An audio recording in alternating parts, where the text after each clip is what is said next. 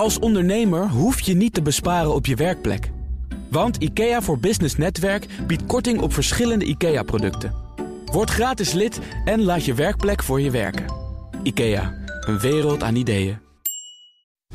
Wereldveroveraars wordt mede mogelijk gemaakt door Regina Cheli, het Taleninstituut, ook bekend als de Nonnen van Vught. Blijf scherp. BNR Nieuwsradio. Wereldveroveraars. Jelle Maasbach.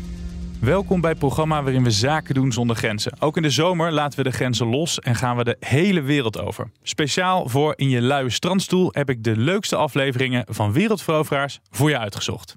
Dit keer gaat het over Australië. Jeroen Koopman van tv-producent Newbie was de gast samen met oud-Australië-correspondent Pepijn Keppel. Jeroen heeft met Heartbreak High, een serie die zich eh, afspeelt in Australië, een enorme hit gescoord op Netflix. Daar wilde ik natuurlijk alles van weten, want hoe maak je een serie op een top Australisch en vooral waarom? We gaan down under. Naar Australië. Het land van exotische dieren die je nergens anders vindt. Zoals koala's, dingo's en natuurlijk kangoeroes. The only large animal to hop as a primary means of travel, while reaching sprinting speeds as high as 35 miles or 56 kilometers per hour. In de 18e eeuw werd Australië een strafkolonie van de Britten. Het was één grote gevangenis. Oftewel, elke Australiër is de nazaat van een crimineel. Daar zit een tv-serie in. Welkom bij Prison Island. De tijd begint te lopen op het moment dat je de eerste cel binnengaat. Grof geweld is toegestaan. Elke Australiër? Nee, want er zijn natuurlijk ook de Aboriginals, de oorspronkelijke bevolking. En die herken je aan deze klanken. De didgeridoo. Voor de rest zijn de Aussies vooral servers, waarvan je denkt dat ze Engels spreken, maar probeer dit maar eens te ontcijferen. Someone ran into the shop and I said, oh, what? So I jumped out of bed and all I had was my undies on and I've walked out the front and I've seen uh, the car smashed and I've seen the bloke walking back to the car. And so I've walked outside and I said, oh, what are you doing, mate? Succes!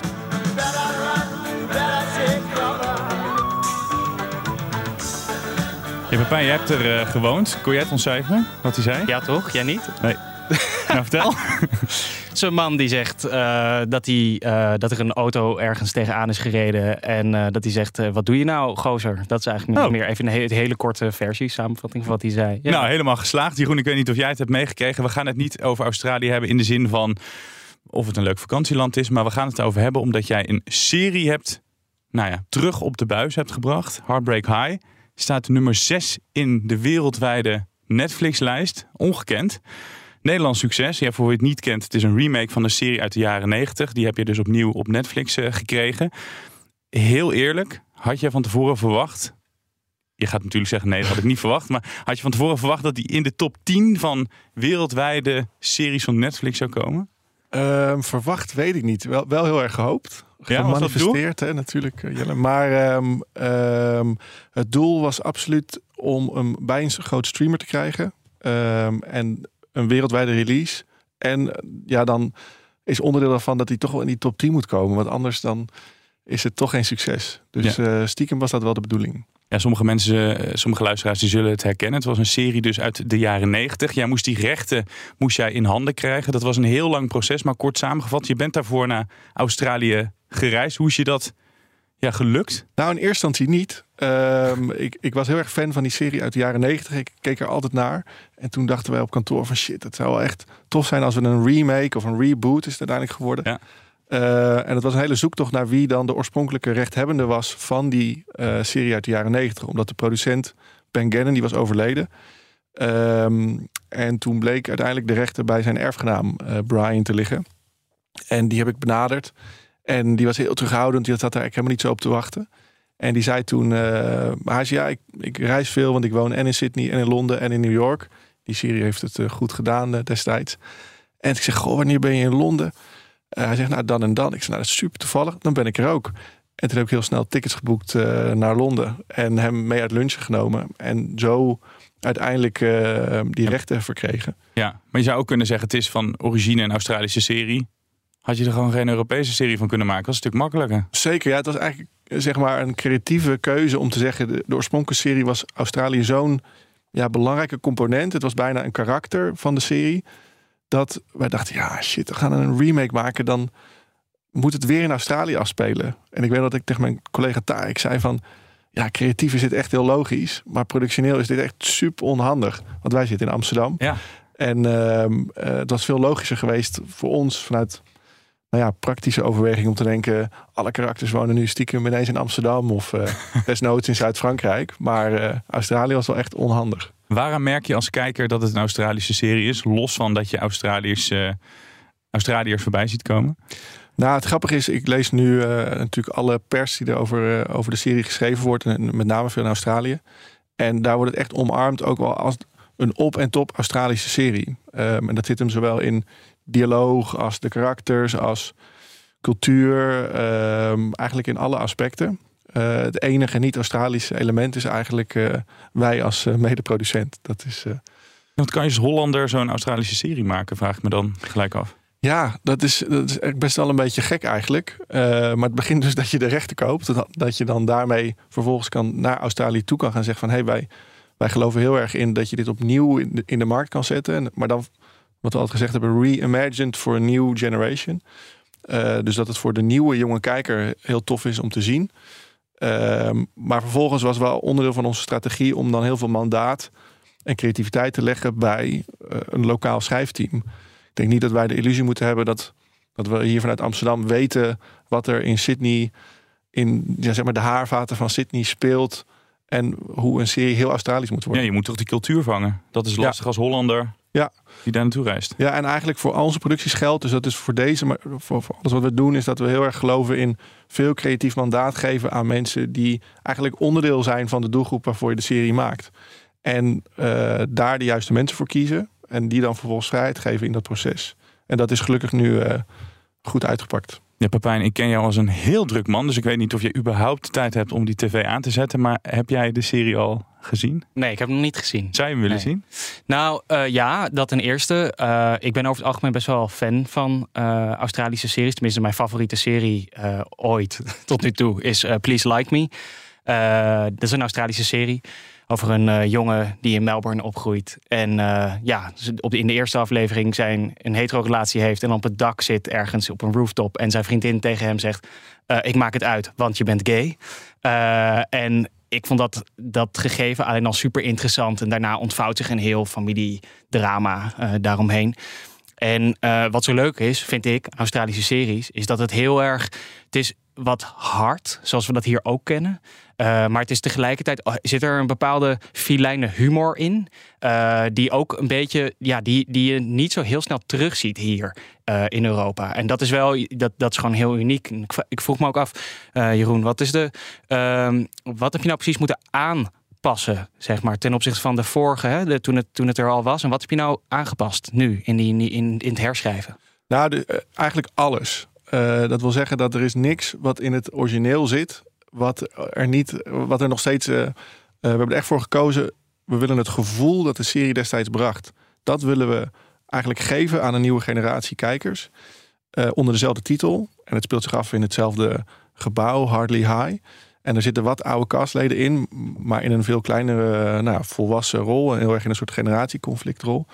Maar er is geen scriptletter, bij wijze van spreken, overeind gebleven. Ehm, dus het is, het is ook denk ik ook onmogelijk, omdat die serie was 25 jaar geleden echt een vernieuwende serie op heel veel aspecten. Cultureel gezien, eh, ook cinematografisch gezien, ehm, qua inclusiviteit. En ik denk als je 25 jaar geleden vooruitstrevend was en je gaat dat gevoel opnieuw willen brengen, dan, dan moet je opnieuw ja, pushing the boundaries, zeg maar. En eh, dus, dus er is weinig overeind Maar is het dan nog wel dezelfde serie? Is het dan, hè, hou je dan wel, wat hou je dan over als alles herschreven is? Ja, ja een goede vraag. Ehm, er was van tevoren ook best wel sceptisch over. Hè, dus bij de oorspronkelijke fan van...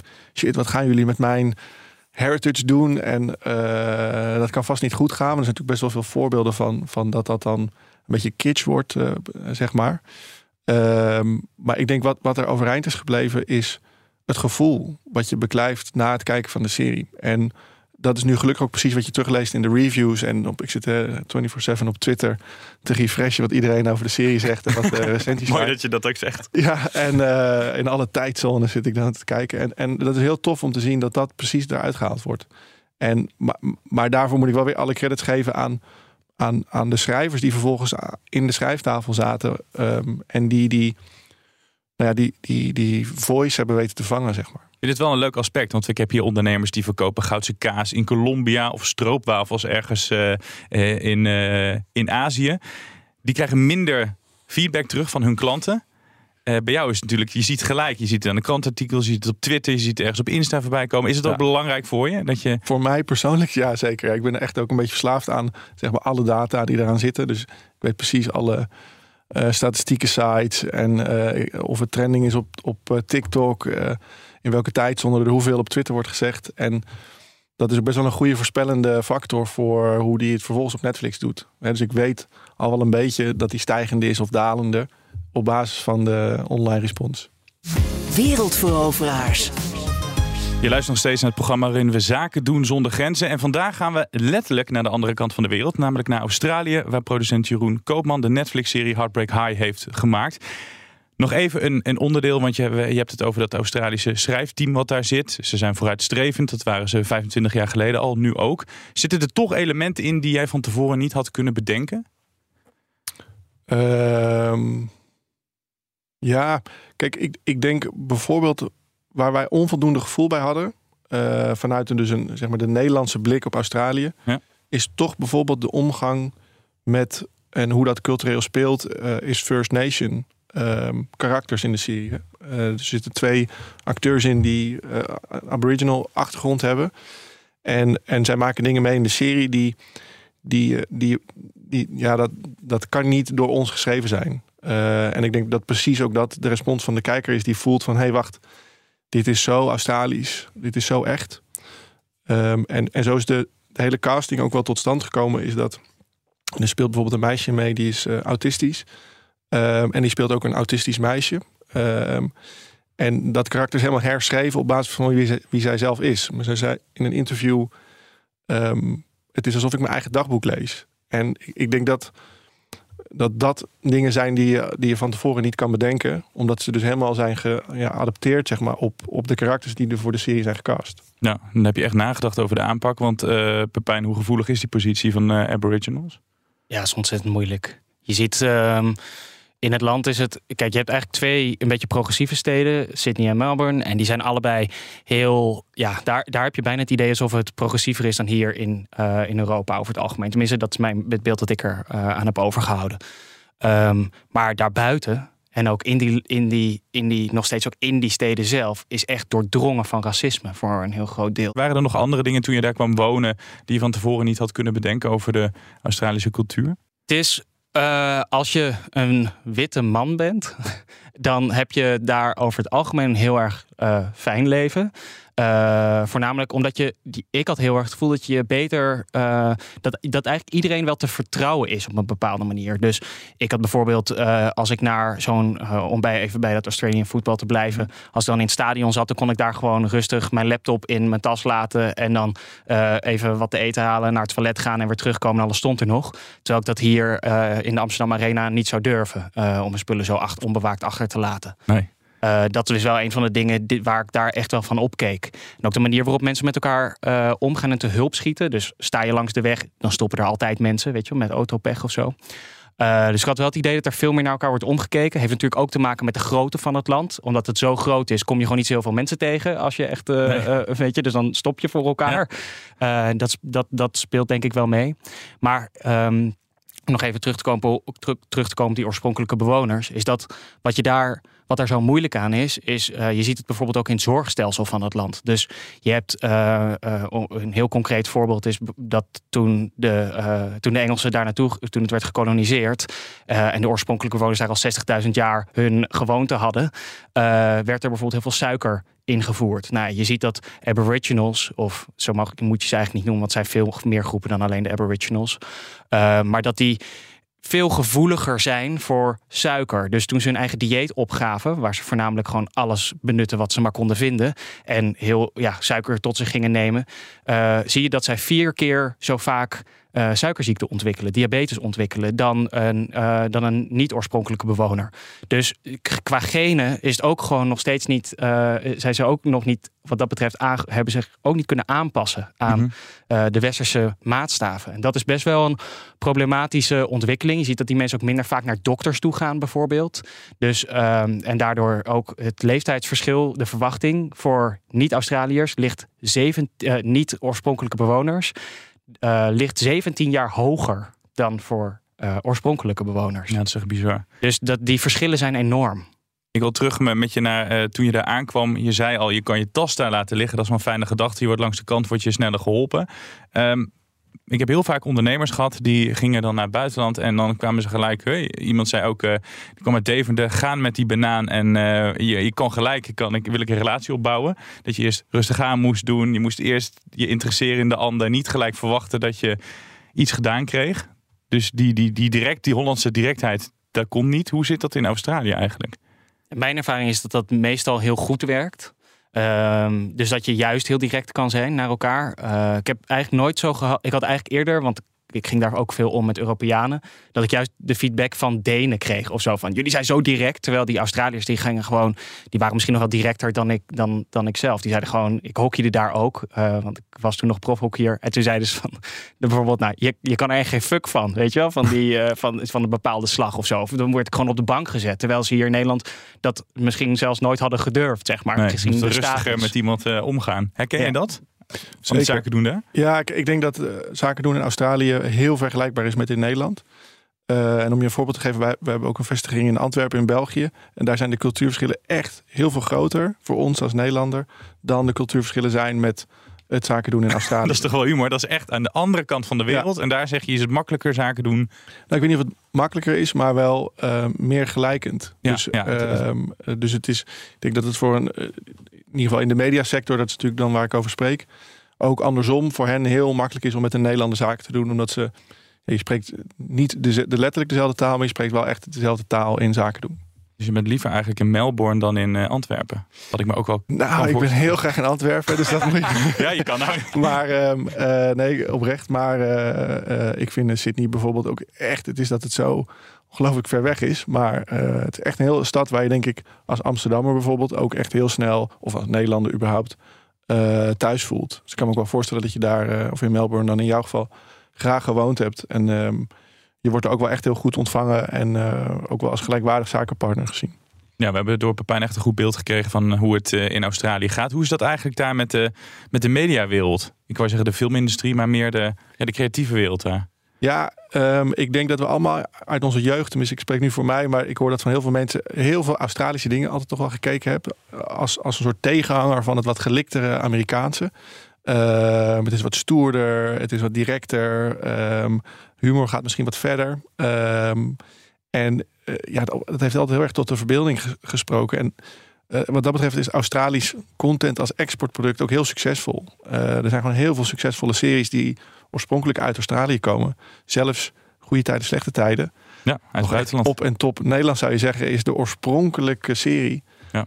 waar het op gebaseerd is ook Australisch. En um, ja, dus ik denk dat het voor ons als Nederland heel erg. Uh, de, dus die, die mediasector heel succesvol ook. Uh, budgetten zijn hoog, professionele productie, goede professionals. het is echt een prettige markt om in te werken. Door het succes van Squid Game waren in één keer Koreaanse formats in één keer hot. Gaan we door jouw succes met Heartbreak High in één keer Australië weer bovenaan het lijstje krijgen? Nou ja, ik weet niet of dat nou mijn effort is, maar um, um, ik denk zeker wel dat Heartbreak High nu als succesvol Australisch content exportproduct, want zo, zo wordt het natuurlijk gepercipieerd, um, wel weer meer ruimte gaat geven voor nog meer Australische verhalen. En uh, tenminste, ik hoop het. waarbij we natuurlijk in eerste instantie heel erg hopen op een tweede seizoen van Heartbreak High. ja, die gaat denk ik wel komen als je in de, in de top 10 uh, wereldwijd staat. Wat zijn dan nog series die jij graag zou willen ja, die wil je misschien niet verklappen. Maar een reboot zou willen geven? Of, of, of anderen uit jouw stal waarmee de wereld zou willen veroveren? Ja, het grappige is, je zegt ik zou het niet willen verklappen. Ehm, destijds toen wij het idee hadden om deze reboot te doen. Oh, dat heb je LinkedIn gedaan, hè? Ja, ja, hebben we gewoon in een video bekendgemaakt, nog ver voordat we de rechten hadden. Ehm, gewoon als een soort eh, throwing it out there, zeg maar. En eh, het grappige was dat ik toen in die video ook zei, ik heb hem laatst nog teruggekeken, van ja shit, ik, misschien dat mensen nu ook geïnspireerd raken en dit ook willen gaan doen. Maar dat is dan maar zo.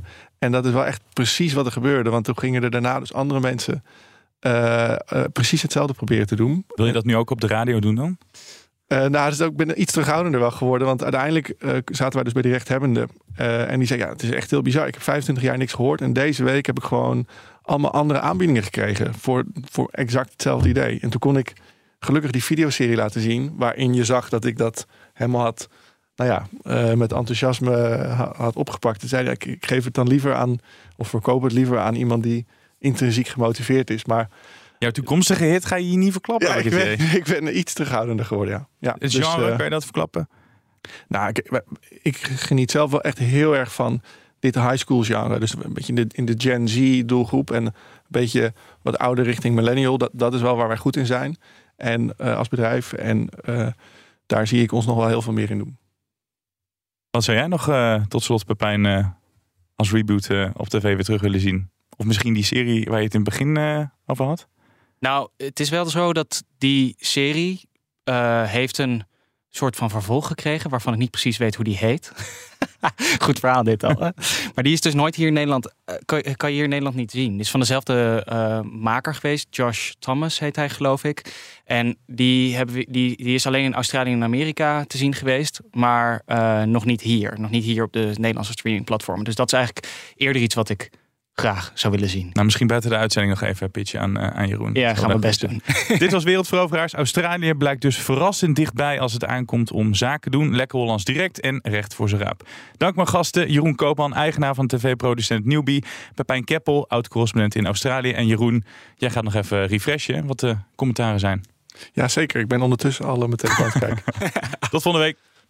Wereldveroveraars wordt mede mogelijk gemaakt door Regina Cheli, het Taleninstituut, ook bekend als de Nonnen van Vught. Als ondernemer hoef je niet te besparen op je werkplek. Want IKEA voor Business Netwerk biedt korting op verschillende IKEA-producten. Word gratis lid en laat je werkplek voor je werken. IKEA, een wereld aan ideeën.